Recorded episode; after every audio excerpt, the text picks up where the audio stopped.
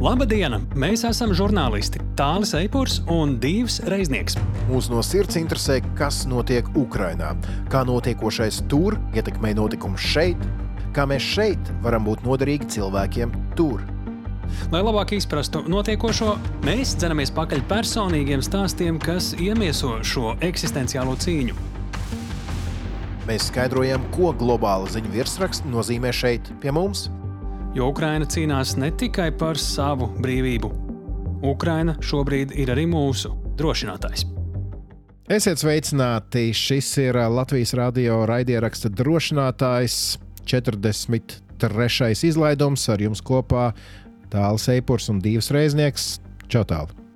Sveiks, Dīva! Sveiki, raidieraksta drošinātājs, klausītāji. Un, kā mums rakstīja vēstulē klausītāji, tad viņi ir noklausījusies visas mūsu epizodes, un viņai ir ļoti žēl, ka to ir tik daudz. Es sākumā samulsu, bet tad Dievs atgādināja, ka mēs taču paši visu laiku sakām, ka mēs esam varbūt vienīgais podkāsts pasaulē, kurš cer, ka pēc iespējas agrāk beigsies līdz ar kara beigām Ukrajinā. Tā kā paldies, ka klausāties! Uh, mēs to jūtam, un tas ir ļoti svarīgi, ka mēs nenogurstam, nestāstīt, ne klausīties, un pēc tam kaut ko arī rēģēt un darīt. Mēs ejam iekšā 43. epizodē. Divi, tev ir stāsts par šīs epizodes lielo interviju. Jā, mēs 43. epizodē izplatām spārnus un, nu, var teikt, pirmo reizi sadarbojamies ar ukrāņu kolēģiem, kuri ir veikuši tādu interesantu projektu. Viņi ir ierakstījuši pieci interviju sēriju ar bērniem un jauniešiem Ukrajinā, kuri piedzīvojuši kara šausmas un piefiksējuši savus pārdzīvojumus dienas grāmatās. Gan rakstiskās, gan zīmējuma formātā, gan video formātā. Tad nu, šoreiz mēs piedāvāsim eh, sarunas ar diviem no viņiem. Ar puisi un meiteni par eh, viņu dzīvi okupētajā Mariupolē un izkļūšanu no tās. Jā, gaidām šo mūsu raidieraksta sadaļu. Es varu teikt, ka mums ir bijušas sarunas par bērniem, gan par Krievijas nolaupītajiem Ukrāņu bērniem, gan par to, kā bērni ikdienā dodas uz bumbu patvērtnēm, ko viņi tur dara un kā viņiem vispār skolas gaitas rīt. Tā kā šis būs jauns leņķis, ka runās paši jaunieši un bērni par to, kā viņi redz karu, nevis kā pieaugušie redz viņu dzīvi. Ļoti vērtīgs ieskats un uh, leņķis šis būs, bet par daudz ko šonadēļ uh, mums gribējās un vajadzētu iztaujāt uh, Kristīnu Bērziņu, mūsu eksperti, jo notikumi, kuri ir gan pašā Ukrainā, gan ap Ukrainu. Nu jā, un šajā nedēļā iekrita tā, ka tālim bija jārunā ar Kristīnu, un god, godīgi sakot, es jūs abus šajā nedēļā neapskaudu, jo nu, runāt par ko un izvēlēties, ko tieši pārunāt, nu, bija ļoti daudz. Jā, tik tiešām bija diezgan grūti pēc baisajiem, jāsaka, tā notikumiem Izrēlā, kur joprojām turpinās. Faktiski tie jautājumi par to, kāda šobrīd valda situācija starptautiskajā vidē, kā tas ietekmē Ukrainu, ir daudz un dažādi no visādiem leņķiem. Mēs par to tūdaļ ar Kristīnu Bērziņu tad arī runāsim plašāk, bet par visu mēs noteikti nepagūsim. Tas, uz ko mēs vērsīsim savu jautājošo skatienu, būs gan par to, kādas eh, nepārāk eh, patīkamas pārmaiņas mūsu reģionā, tā skaitā Latvijai, var eh, nest Polijā šonadēļ notiekošās parlamenta vēlēšanas. Tāpat arī par to, kāpēc pretēji bažām dažādām var teikt, ka notiekošais Izrēlā varētu pat veicināt ASV finansiālo un militāro atbalstu Ukrainai, bet sāksim mēs ar, bet sāksim mēs ar vienu tematu, kur tā kopumā jāpaskatās uz to situāciju, un to ļoti labi ir izdarījis eh, Valdemirs Zelenskis, eh, un mēs Kristienai arī vaicāsim, kāpēc viņš pēc Hamas teroristu tāda pēkšņā uzbrukuma Izrēlai brīdina, ka šobrīd notiekošais ir lielāki draudi nekā pasaule to apzinās, un kāpēc tieši Ukrainai ir svarīgi vispār uz ko tādu norādīt. Nu, ko tad klausāmies Kristīna Bērziņa Vašingtonā un Tāls Eipurs Rīgā?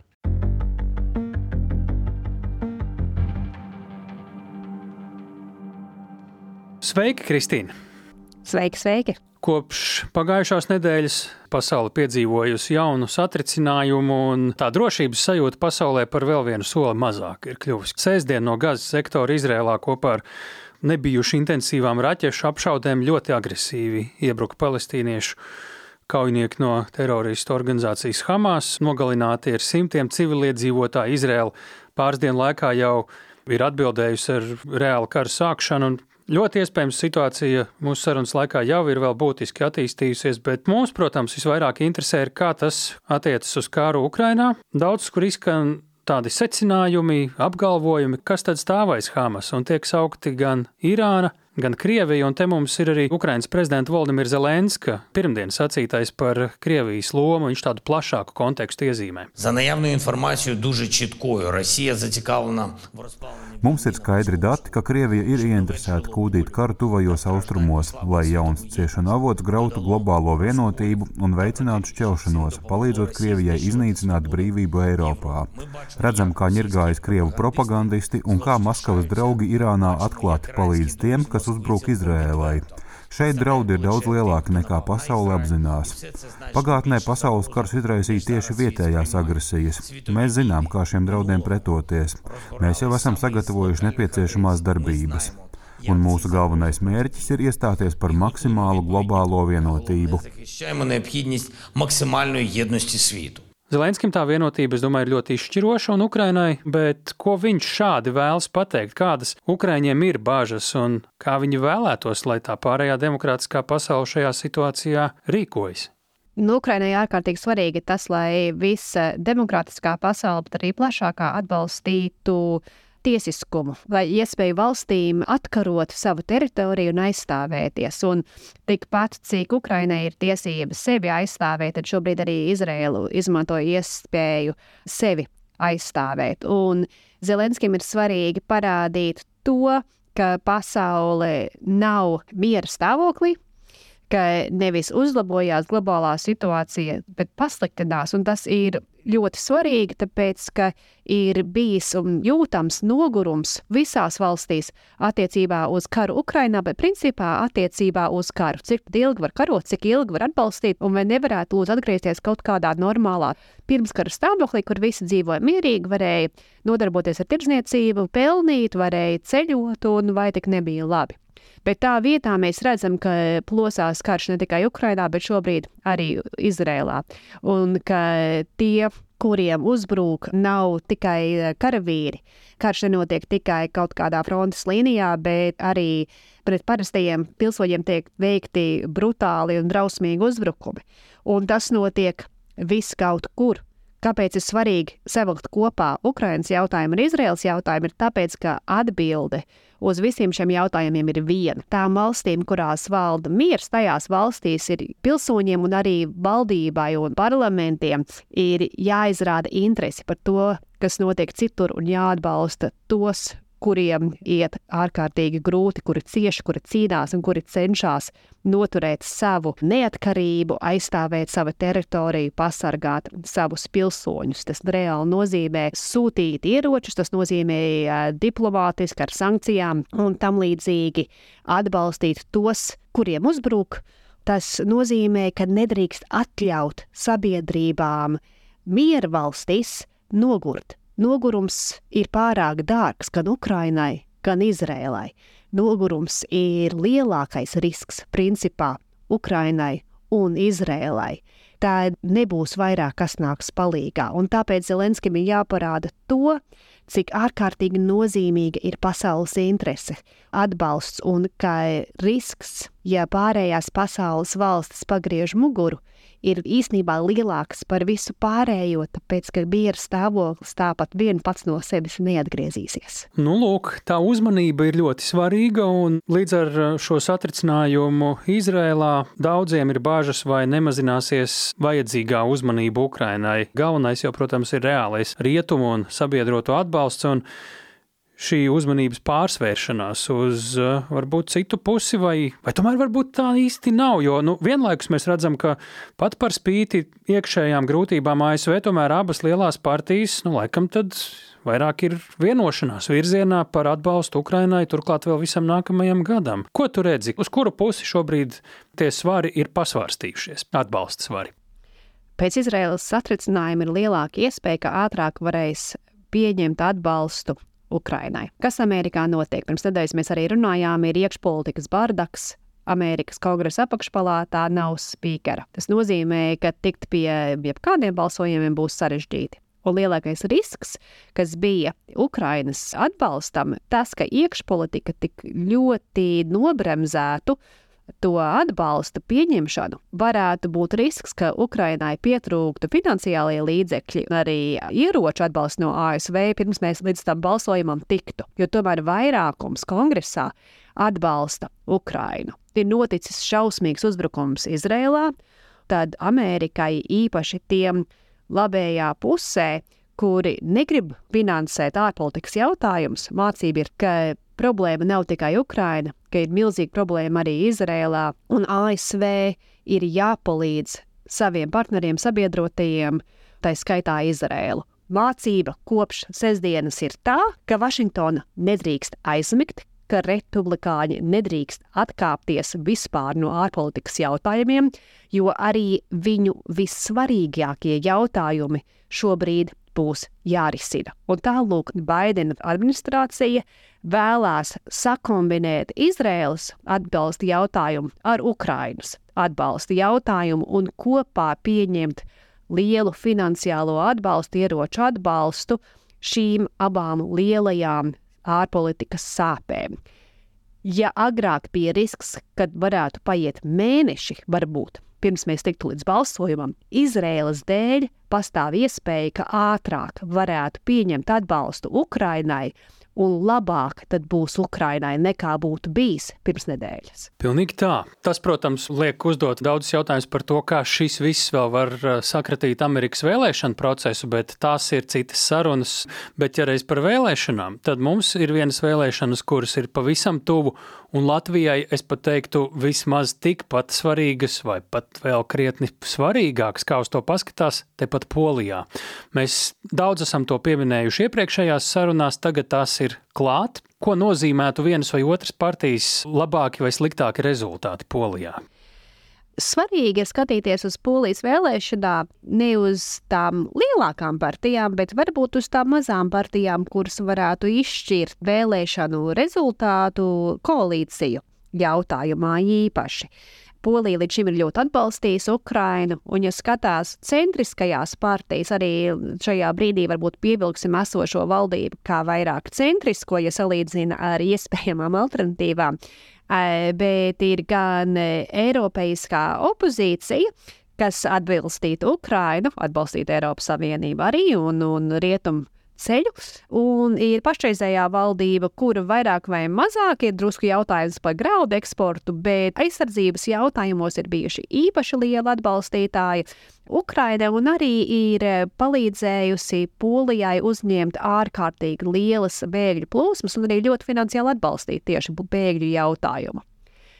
Kura balss varētu būt izšķiroša koalīcijas veidošanā, tā ir arī tālajā labajā partija, konfederācijas partija. Jautājums ir, vai konfederācijas partija tad atbalstītu pašreizējo opozīciju, nāktu pie varas, palīdzētu veidot valdību, bet ar ne-eiropeiskiem uzskatiem, ar ekstremāli tālējiem labējiem uzskatiem un tā skaitā lielu kritiku par to, cik lielā mērā tiek atbalstīta Ukraina, par to, ka arī uz āru plūst nauda, kura būtu jātērē vairāk poļiem un polijai. Īpaša kritika arī tieši bēgļu jautājumā. Atsaucis ir uz Kīlas institūtu šajā gadījumā, divi ar pusreiz vairāk pret iekšzemes koproduktu Polija ir atbalstījusi bēgļus nekā Latvija, un Latvijā jau tiek darīts ārkārtīgi daudz.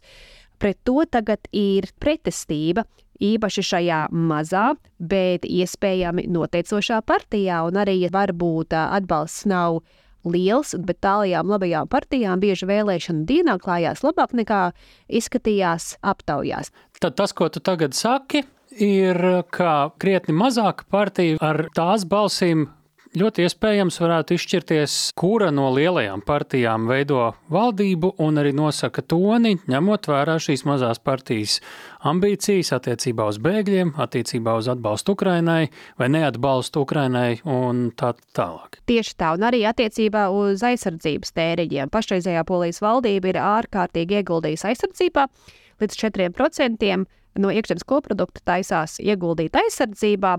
Būtu varbūt drusku jāierobežo, vai arī tikai ar pašmāju aizsardzības izstrādājumiem jātērē. Un tāpēc, ja skatās, kā tad attīstītos visa mūsu reģiona drošība, mēs nevaram arī varbūt paļauties uz to, ka Polija arī turpmāk ieguldīs 4% savā aizsardzībā.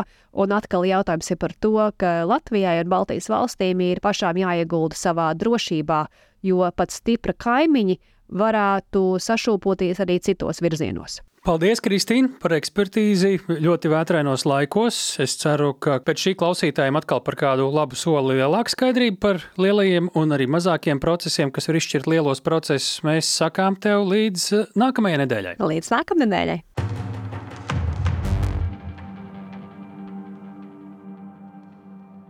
Paldies, Kristīnai, paldies tālim. Godīgi sakot, ļoti ātri paskrējies, pārbaudīju pulksteni, vai tiešām jūs esat runājuši tās 11, 12 eh, minūtes kā parasti.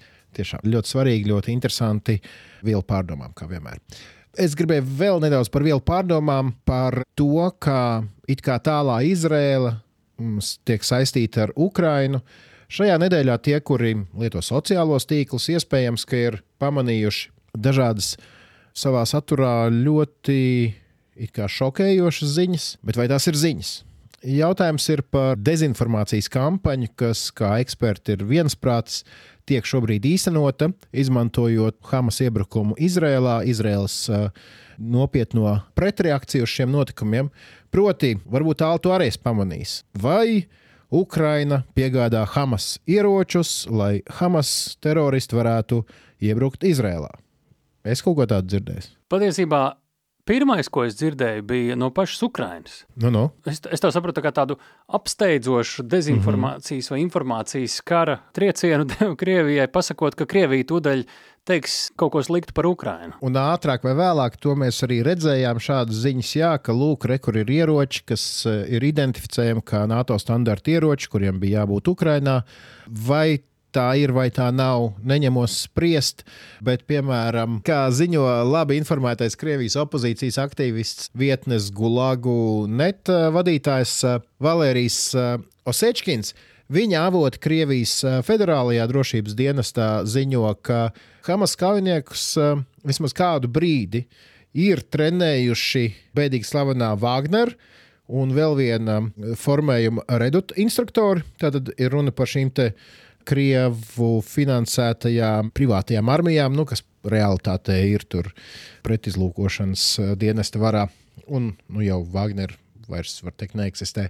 Tātad eh, šie instruktori no Krievijas esot kādu brīdi trenējuši Hamas kaujiniekus, un viņi sev līdzi atveduši, esot Ukrainā kaujas laukos, kā trofejas iegūtus ieročus. Tā kā nevar izslēgt, ka ieroči būtu tur tādi, Bet nu, katrā ziņā runas par to, ka Ukraina varētu būt apgādājusi Hamas pilnīgas muļķības, bet ir jāsaprot, kā Krievijas dezinformācijas sistēma strādā. Un tas ir pierādījies atkal un atkal un atkal. Uh, viņa visdažādākās teorijas, piemēram, viena no teorijām, ko es arī uh, kaut kur lasīju šajā nedēļā, bija, ka Izraela patiesībā slepeni piegādāja ieročus Ukrainai, piemēram, ja? un tā tālāk. Un tā tālāk. Krievija meta kā pankūkas pret uh, griestiem vis visādas dažādas visstrakākās teorijas. Nereti viena, viena ar otru konfliktējošas teorijas. Meta kā pankūks pret griestiem un skatās, kas pielips, kas aizies. Jo um, tad, uh, redzot, kāda konspirācijas teorija vislabāk uh, nostrādā sociālajos tīklos, tad viņi var savukārt spiest uz to un, un attīstīt to tālāk. To sauc par haosu sēšanu, mulsināšanu, musināšanu un kā tik vēl ne. Un uh, tādā brīdī Krievija jūtās kā zivs ūdenī un vēl citi līdzīgi apzīmējumi. Tieši tā. Un pat ja ir cilvēki, kuri neuzķers ne uz vienu šādu teoriju, tad uh, nereti uh, varbūt uh, šis rezultāts šādai stratēģijai var būt tāds, ka cilvēki saka, nu jā, viss nav tik viennozīmīgi, jo ir tik dažādas versijas, nu es labāk neticēšu nekam. Ne? Un tas arī Krievijai dara. Krievijai dara. Un mēs nerunājam tikai par Krieviju, ja? mēs runājam arī par, piemēram, to pašu Ameriku, kur galēji labējie politiķi šajā nedēļā, izmantojot Izraels traģiskos notikumus, eh, sāk runāt par to, ka Ukrainai naudu nedosim, jo tā ir jāsūta Izrēlai.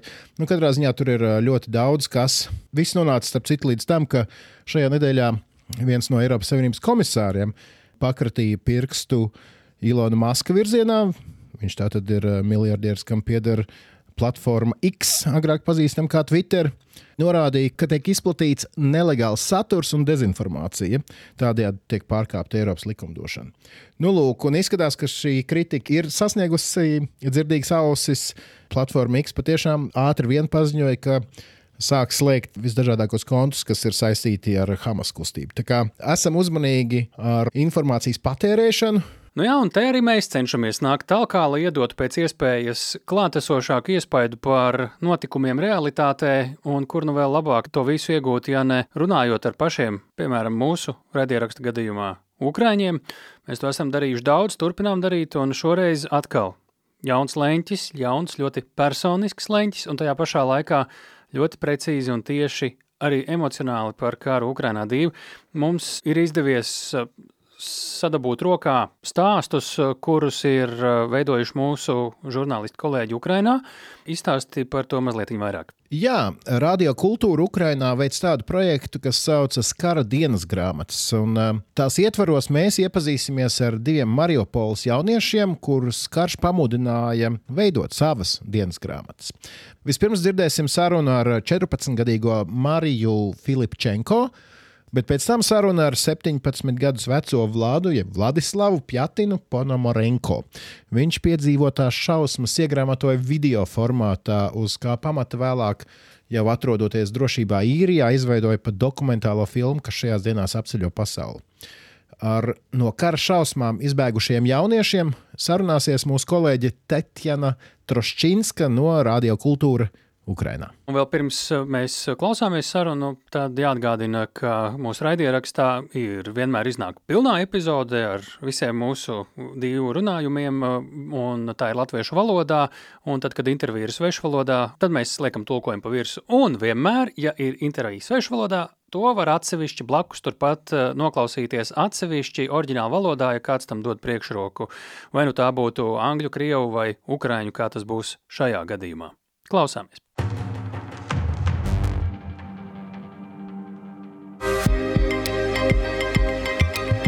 Вітаю! Це Радіокультура. З вами Тетяна Трощинська, і це проєкт Щоденники війни. Sveicināti! Šis ir Radio Kultūra. Ar jums kopā Tatjana Trošķīnska. Un šis ir projekts Kara dienas grāmatas. Šodien satiksiet 14-gadīgo Mariju Filipčenko. Viņa rakstīja dienas grāmatu par karu Mariupolē. Було дуже несподівано. На жаль, так вийшло, що за декілька днів до цього повномасштабного вторгнення, 22-го, я останній раз була. Tas bija ļoti negaidīti. Dažas dienas pirms pilna mēroga iebrukuma, 22. februārī, es biju skolā. Mēs todien runājām ar klases biedriem, ka dažādi sprādzieni un šaušana Mariupolē ir labi dzirdami. Visi bija panikā. Tajā dienā mums tika pastāstīts, kā rīkoties apšaudas laikā. Es atceros, kā mūsu skolotājs teica, es ļoti ceru, ka tas nenotiks, bet jums tas ir jāzina.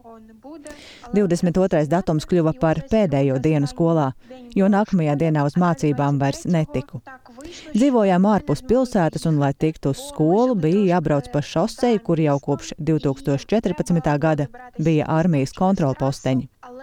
Todien mūs vairs nelaida cauri, sakot, ka tas var būt bīstami, un lika palikt mājās. Telefona sakari pazuda jau 23. datumā. Visus pārņēma panika, jo tas bija negaidīti. Neviens nezināja, ko darīt. Es līdz galam nesapratu esošo situāciju. Gribēju ticēt, ka patiesībā nekas nenotiks. Viss būs kārtībā, un es nākamajā dienā iešu uz skolu. Все буде добре, і я на наступний день вже піду у школу. Але так не сталося. Так і почалися ті події, які були дуже Bet tā nenotika, un sākās ļoti sarežģīti notikumi.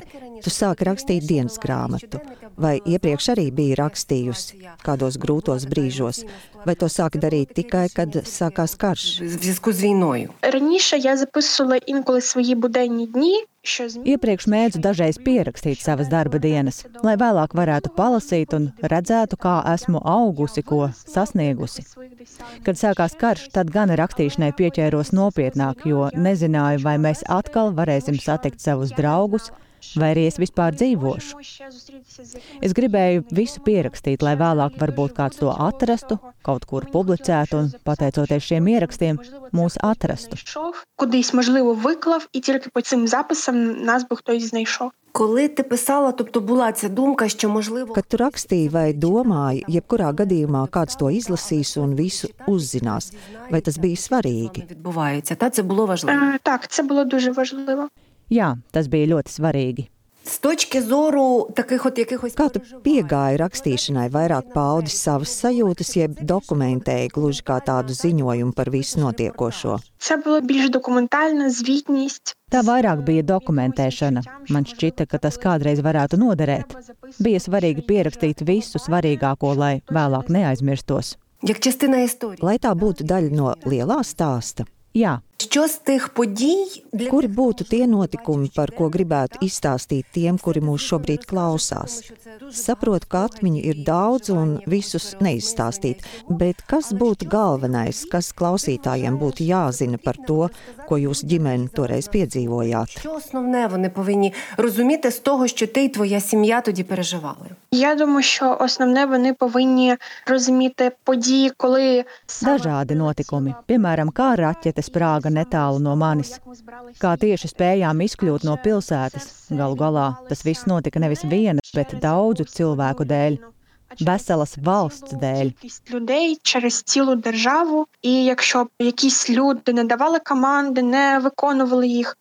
Ja šie cilvēki atteiktos izpildīt saņemtās komandas, mūsu māja būtu neskarta, Mums nekur nebūtu jāmūk, bet, ja vajadzētu, mēs to varētu izdarīt mierīgi un bez apdraudējuma.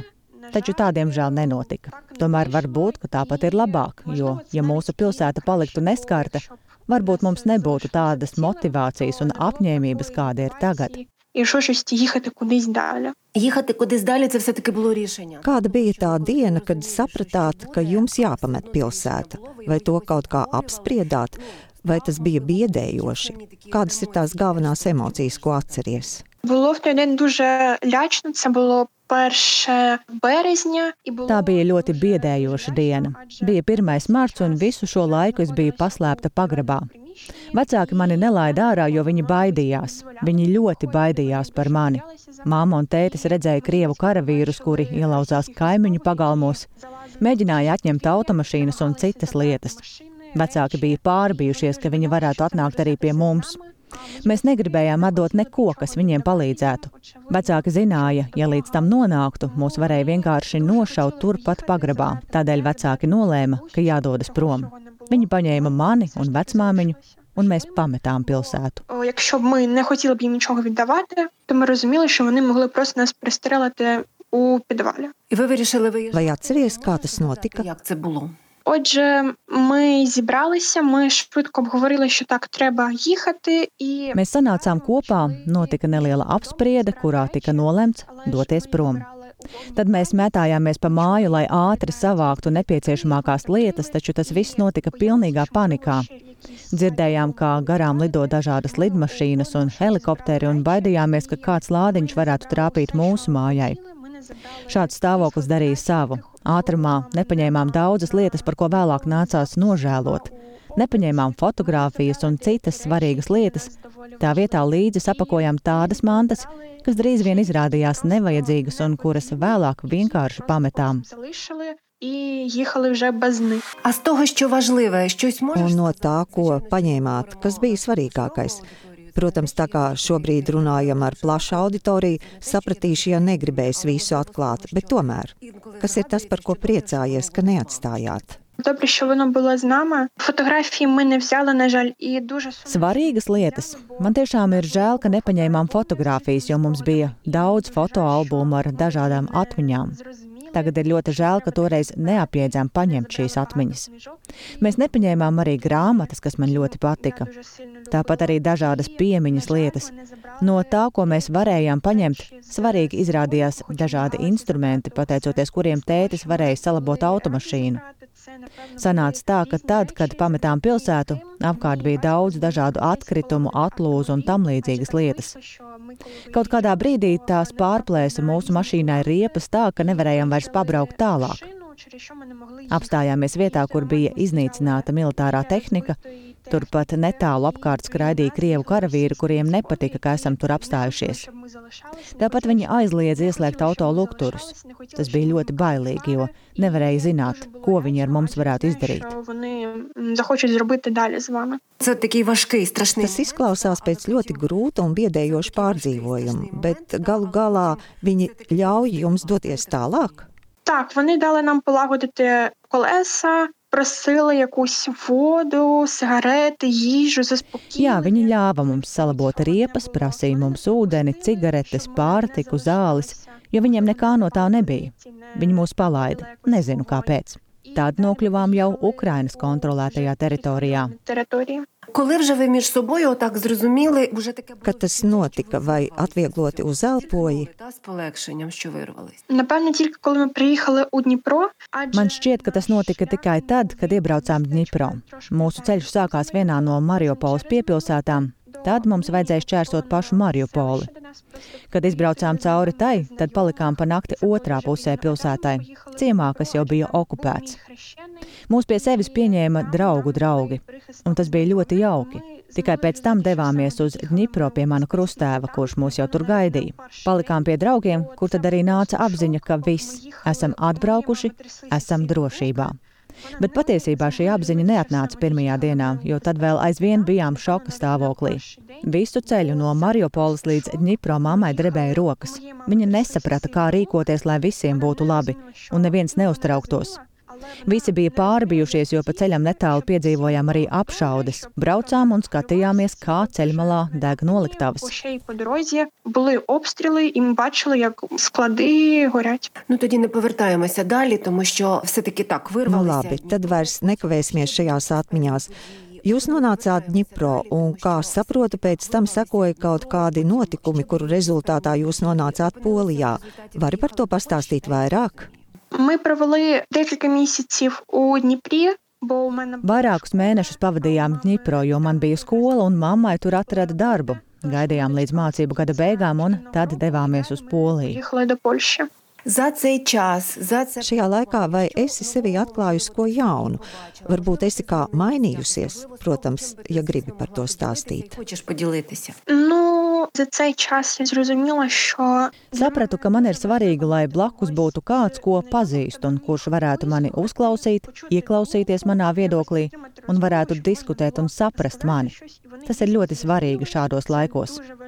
Es arī kļuvu bailīgāka. Dzīvojot Dņipro, nespēju pierast pie bumbu triecieniem, jo tas uzreiz atsauca atmiņā notikumus Mariupolē.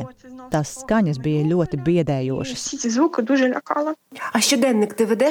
Vai turpini rakstīt dienas grāmatu? Nē, es to vairs nedaru, jo kopš iebrukuma sākuma ir pagājis ilgs laiks. Un es vairs neesmu Ukrainā, lai arī visam notiekošajam turpinu just līdzi no visas sirds bet dienas grāmatu vairs nerakstu, jo nu esmu drošībā un nereti vienkārši piemirstu, ko uzrakstīt. іноді просто забуваю записувати щось. Якісь інші способи, напевно, знайшлися для Par laimi šobrīd tev vairs nav jāiet cauri tik trakiem notikumiem kā iepriekš, vai tev radušies jauni sapņi, kaut kas tāds, ko noteikti gribētu izdarīt. тебе в майбутньому. Через війну багато мрій вони змінилися. Kara dēļ daudzi sapņi ir mainījušies. Es apzinos, ka daži tā arī nekad nepiepildīsies. Tomēr vispirms es vēlos, lai karš beigtos pēc iespējas ātrāk, lai mājās viss būtu kārtībā un lai kas tāds nekad vairs neatkārtotos. І вдома все було добре, і більше такого ніколи не було. Tik tālu šobrīd Polijā patvērumu radušās 14-gadīgās Marijas Filipčenko piedzīvotais pamatot dzimto Mariupoli. Bet nu Ukraiņas radiokultūras žurnāliste Tetjana Trošķīnska iztaujās vēl vienu ukraiņu jaunieti, kuram Krievijas iebrukuma dēļ nācās bēgt no savām mājām Mariupolē. Savu stāstu Tatjanai atklāja Vladislavs jeb Vlads Pjatins Ponomarenko, kurš šobrīd jau mīt īrijā. Весь час, увесь час бойових дій, я був вдома Militāro darbību laikā es visu laiku biju mājās. Tas bija pelēks, ļoti biedējošs un nesaprotams laiks. Taču no otras puses šī rutīna, ikdienas satraukumi, lai cik muļķīgi tas neizklausītos, mani mudināja visu uztvert it kā distancēti. Man to visu pārcies bija vieglāk, iedomājoties, ka notiekošais ir kā datorspēle. Spēle, kurā tavs uzdevums ir izdzīvot tikai nākamajā līmenī. Tāpēc es ļoti ātri izmainīju savu domāšanu, nofokusējoties uz to, lai izdzīvotu, man jāaiziet cauri visām šīm šausmām. Через весь цей жах проходити і вижити. Я пригадую, як в перші дні була велика паніка у багатьох людей. Atceros, ka pirmajās dienās cilvēkos valdīja panika, ka veikalos nebija pietiekami pārtikas. Kā šodien atminos dienu, kad devos uz vietējo veikalu pakaļ maizei, kad tur nonācu, ieraudzīju milzīgu rindu un nolēmu, ka nevēlos tajā stāvēt, jo var atlidot artērijas lādiņš. Tad devos uz skolu, kur pavisam nesen naktī patiešām bija atlidojuši lādiņi, un kad biju jau pavisam tuvu savai skolai, blakus esošajā internātā sāk sprākt raķetes. Tās bija milzīgas. Pats redzēju, kā tās lidoja šurp. Ois. Я можу пригадати момент, коли ми з батьком набирали воду. Atceros arī vienu citu dienu. Toreiz ar tēvu devāmies uz katlu māju, jo tā bija pēdējā vieta, kur mūsu daudzstāvenē vēl varēja dabūt ūdeni.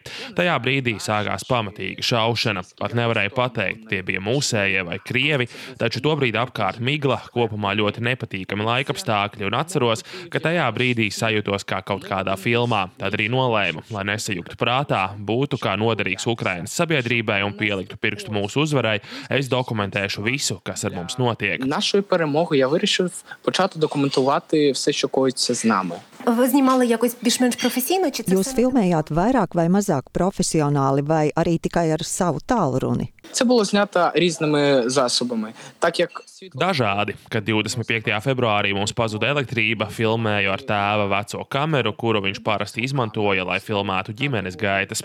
Dažreiz filmēju ar savu telefonu, tāpat arī ar klejpdatoru kameru. Tā kā tā nebija profesionāla filmēšana, es teiktu, ka tas bija ļoti amatieriski. це було дуже аматорськи, я б сказав. Ну в цьому знаєте, мабуть, є і сенс, тому що от оці моменти, Skaidrs, bet ziniet, tie brīži filmā, kad viss ir tumšs vai kamera kratās, kad jūs ejat pie kaimiņiem, tas radīja tādu sajūtu. mm, Tādu sajūtu, it kā man tiek dota iespēja uzelpot situācijā, kad jums tur galīgi nav ko elpot. Starp citu, vai otrs cilvēks filmas beigu titros ir jūsu tēvs? Так, це мій батько. Ми разом з ним знімали. Jā, tas ir mans tēvs. Mēs kopā filmējam. Kad nevarēju tikt līdz mūsu dzīvoklim, jo sēdēju pagrabā, tad filmēja viņš. Kad varēju, tad filmēju. Esmu viņam ļoti pateicīgs par šī projekta atbalstīšanu un par to, ka arī viņš bija ieinteresēts un ļoti vēlējās palīdzēt informācijas karā pret Krievijas propagandu. Un es esmu ļoti pateicīgs, ka jūs atzīmējāt šo gaisu filmā, jo es uzreiz iedomājos, ka nevēlos veidot standarta dokumentālo filmu vai standarta filmu. Es gribēju, lai cilvēki caur šiem kadriem varētu kaut kā sajust visu to, kas ar mums notika Mariupolē. Змогли відчути усе, що коїлось з нами в Маріуполі. ви на самому початку фільму згадуєте Анну Франк. Ви Filmas sākumā jūs pieminējāt Annu Franku. Vai pirms tam bijāt lasījis viņas dienas grāmatu, vai sākāt tās lasīt tad, kad karš jau sākās? Я дуже люблю історію і Man ļoti patīk vēsture, man ļoti patīk lasīt par to. Pirms kara biju dzirdējis par Annu Franku un lasījis kaut kādus fragmentus no viņas dienas grāmatas. бачив. А чому Imagine? Un kāpēc filmai esat devis nosaukumu Imagine? Imagine, а ось це такий невеличкий секрет. е, Imagine, šeit ir neliels filmas noslēpums, ko es tagad atklāšu. Visu kara laiku vienīgais, kas man ļāva nesijūt prātā, bija mūzika. Es ļoti mīlu mūziku, tā vienmēr ceļ spārnos. Viena no svarīgākajām dziesmām manā dzīvē, kuru es dzirdēju jau kā šūpuļdziesmu, ir Džona Lenona Imagine. Lai kā tas izklausītos, šī dziesma kara laikā tiešām izglāba mani un manu psihi. Tāpēc nolēmu, ka šī dziesma būs tituldziesma. Bez tam ar filmas palīdzību skatītājiem gribēju nodot tās sajūtas, ko pārdzīvojām mēs paši. Gribēju, lai cilvēki iedomājas, kā viss notika, arī tāpēc filmu sauc Imagine, kas tulkojumā nozīmē iedomājies. Тому і називається Imagine – уявити. Я б ще хотіла, щоб ми трошечки повернулися до самих подій, тому що от у цих Es перших gribētu, lai mēs nedaudz atgrieztos pie Mariupoles. Ja izsakāmies tēlaini, kādi kadri no pilsētas jums palikuši atmiņā pirms 24. februāra? Kā jutāties dzīvojot šajā pilsētā? Це буде складно, тому що я дуже змінив свою думку про моє місто саме після Šis ir smags jautājums, jo pēc tam, kad nācās doties uz Eiropu, es pamatīgi mainīju savas domas. Godīgi sakot, vienmēr domāju, ka šeit Eiropā ir daudz labāk, bet tikai tagad, pašam esot Eiropā, es apjēdzu, cik neticama bija Mariupole. Tā bija ļoti ērta, tur tu varēji darīt jebko. Tā bija pilsēta māksliniekiem, pilsēta, kur radīt kaut ko jaunu, kaut ko neticamu. Tā bija pilsēta, kurā tu varēji būt tu pats. Ļoti zaļa, dzīvē ļoti ērta. No pirmā acu uzmetiena daudziem ukrāņiem Mariupola asociējas ar provinci, mazpilsētu ar daudzām rūpnīcām, bet tā nav. Tā patiešām ir pilsēta ar neticamu atmosfēru, jeb kā saka mūsdienās, vaibu. вірним вайбом, як кажуть на сучасній мові. І от було ну Kā jums šķita šis vibes nomainījās momentā? змінили. Так, в одну мить з такого Jā, vienā mirklī Mariupole pārvērtās no tādas hipsteru pilsētas par cietoksni, izdzīvošanas un posta pilsētu. Pilsētu, kurā cilvēki rāpoja, lai izdzīvotu, paliktu par cilvēkiem, nevis vienkārši gaļas gabaliem, lai cik raupji tas arī neizklausītos. як би це грубо не звучало, а не просто звичайним м'ясом.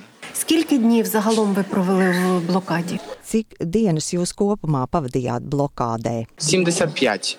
Я бачив початок воєнних дій, я бачив неймовірні, неймовірні 75. Es redzēju kara darbības sākumu, es redzēju šo neticamo, milzīgo uzbrukumu savām acīm. Nevarēju iedomāties, ka kaut kas tāds ir iespējams. Daudzi nevarēja iedomāties karu 21. gadsimtā, un arī es nevarēju iedomāties, ka tūkstošiem raķešu un bumbu, kas palaisti no lielgabaliem, lidmašīnām un kuģiem, sprāgs mūsu mājās. Es to nevarēju iedomāties. корабельні гармати. Я не міг цього уявити. Це точно не можна було уявити. Це ніхто не To noteikti nevarēja iedomāties. Neviens to nevarēja iedomāties. Atsaucoties uz filmas nosaukumu, varu teikt, ka es to šobrīd varu tikai iedomāties, bet es to nepiedzīvoju. Man acu priekšā radās daži kadri no jūsu filmas. Es kāpēc atcerējos fragment ar kartupeļiem, kausēto sieru un speķi. Vai tas jums tur bija normāls ēdiens? нормальна їжа. Це була єдина їжа. Їжа Tas bija vienīgais ēdiens. Daudzi gāja izlaupīt veikalus, un es viņus nenosodu, jo cilvēkiem vienkārši nebija ko ēst. Veikali tika slēgti, un ko cilvēkiem bija darīt. Par laimi, mums dzīvoklī bija palicis nedaudz pārtikas, tāpēc šādi sēdējām no marta līdz aprīļa vidum. Із сусідами і рідними. Та у вас була така Vai jūs bijāt liela grupa ar visiem kaimiņiem un radiniekiem? велика група, так. Liela grupa, jā, brālis, māte, tēvs, tante, onkulis un arī divi kaimiņi no manas stāva. Bet mūsu vecmāmiņa visu šo laiku atradās slimnīcā, jo pirms kara visa mūsu ģimene saslima ar covid-19, un diemžēl nebija iespējas viņu aizvest no slimnīcas. Automašīna atradās citā rajonā, bet eh, viņa pati nevarēja pastaigāt. Mani vecāki mēģināja viņu par katru cenu nogādāt mājās, bet viņa visu laiku atradās slimnīcā. Tikai beigās viņa spēja izkļūt. Tagad viss ir kārtībā Змогла вибратися, і зараз все добре. оцей момент, та от ви описуєте теж у фільмі, що Filmā tiek aprakstīts brīdis, kad pa jūsu māju trāpīja lādiņš un nācās pārcelties uz dzīvi pagrabā. Tas bija martā. підвал, та це десь в березні було. Це було 7 березня о 6 ранку, 5 хвилині. Tas bija 7. marts, 5 minūtes pēc 6 rītā. Šo momentu atcerēšos visu atlikušo mūžu. Interesanti ir tas, ka šī bija vienīgā diena, kad 4 no rīta nepārcēlāmies uz koridoru, bet palikām gulēt viesistabā. Gulējām uz matračiem aiz dīvāna, pie tālākās sienas no logiem, jutāmies drošībā. Un šī bija arī vienīgā diena, kad ieroči nesāka skanēt 4 no rīta. Bija klusums, un mēs visi bijām aizmiguši. Un tad lādiņš trāpīja tieši mūsu mājā, mūsu kāpņu telpas ielas kaimiņa dzīvoklī.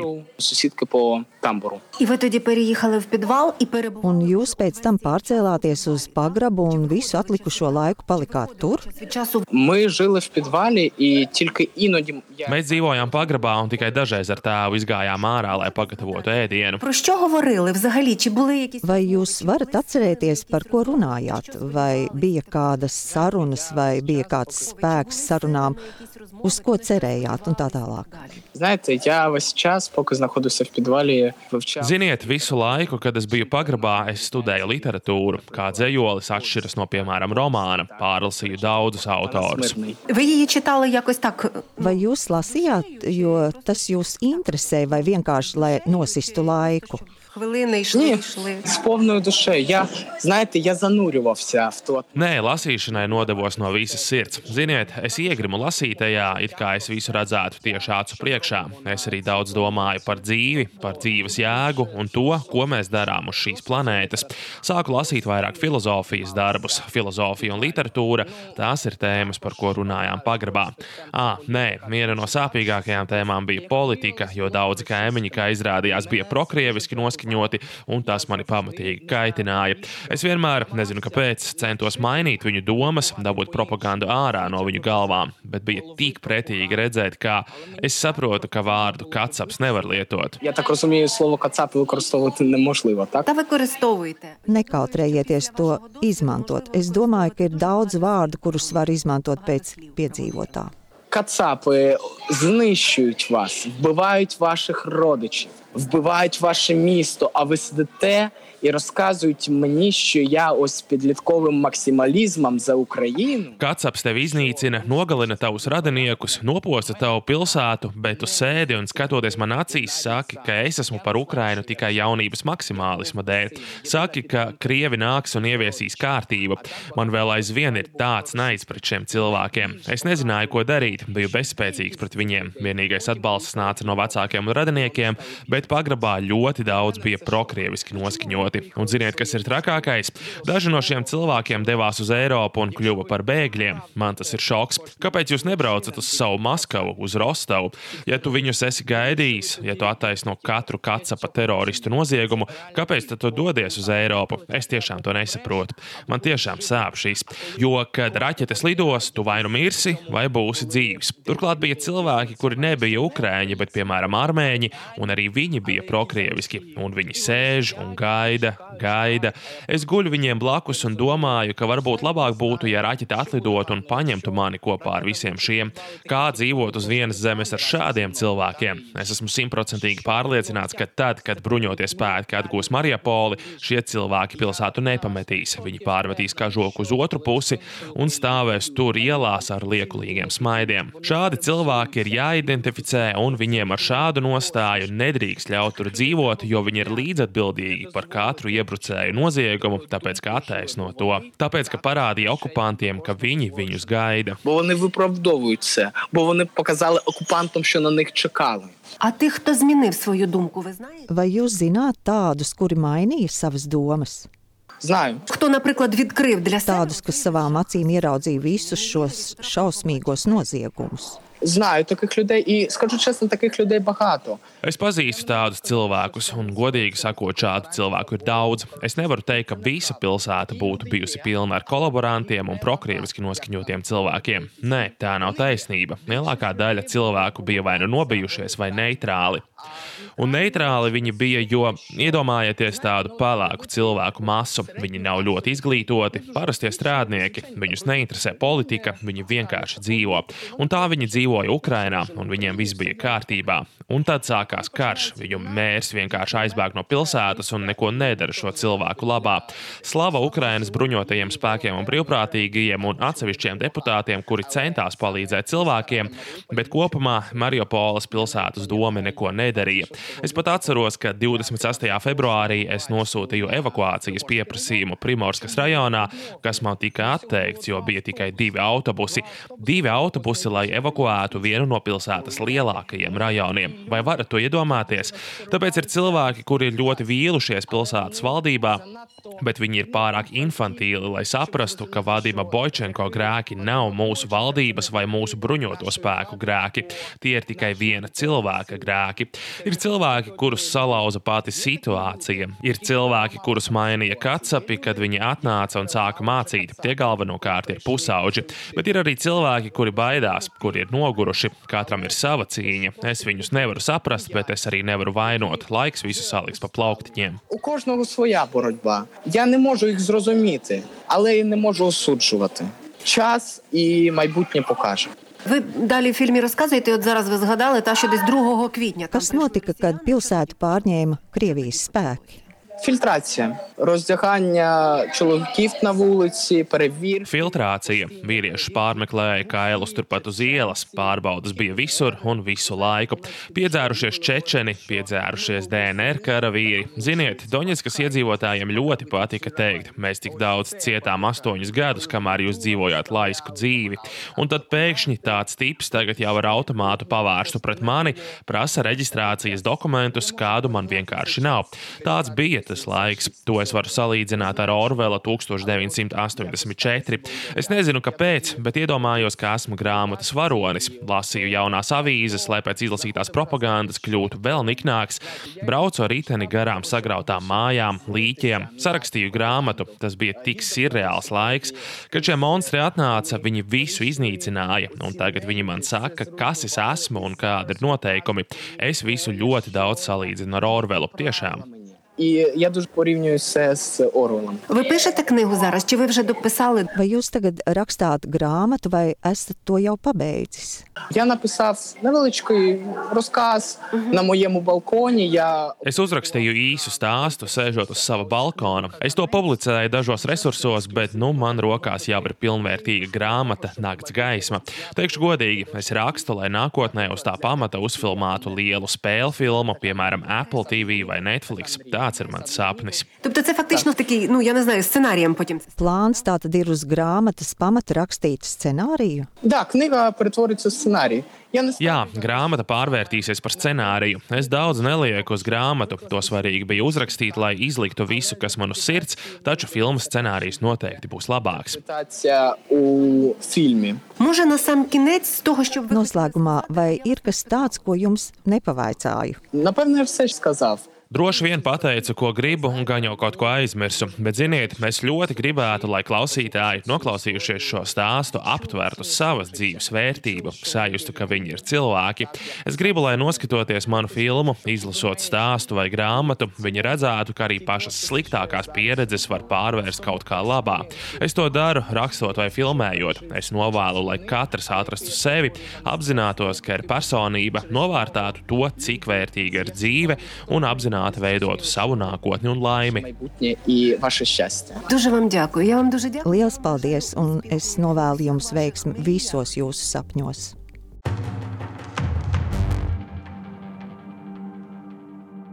Ko ja mēs parasti pēc šīm intervijām sakām paldies vai nu es divam vai divas man, tad šoreiz ir pienācis brīdis, kad mēs sakām paldies mūsu ukraiņu kolēģiem. Tetjana Trošķīnska no Radio Kultūra bija tā, kas projektā Kara dienas grāmata ļāva mums iepazīties ar diviem jauniešiem no Mariupolis. Viņus karš ir izvedis cauri pamatīgiem pārbaudījumiem, un viņi ar to visu tikko arī dalījās ar mums kopā. Jā, un ja jūs gribētu redzēt uh, Vlada sameistaroto filmu, tās pirmajā redakcijā jau tā otrā versija šobrīd ceļo, jā, kā jau iepriekš minēju, pa pasauli, tad uh, YouTube tā ir atrodama.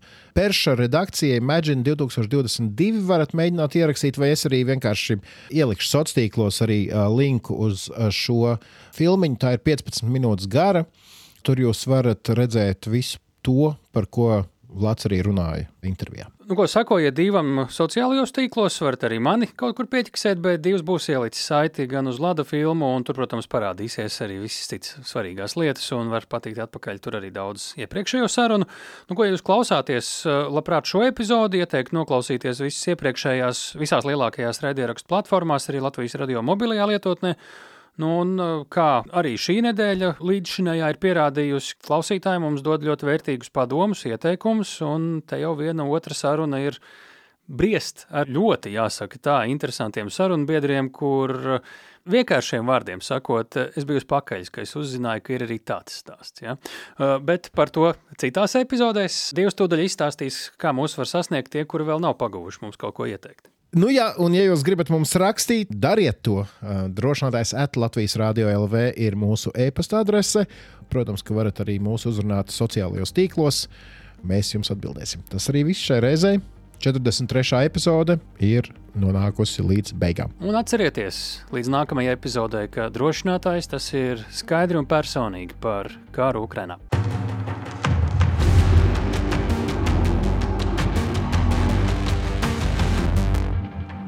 Raidieraksts drošinātājs.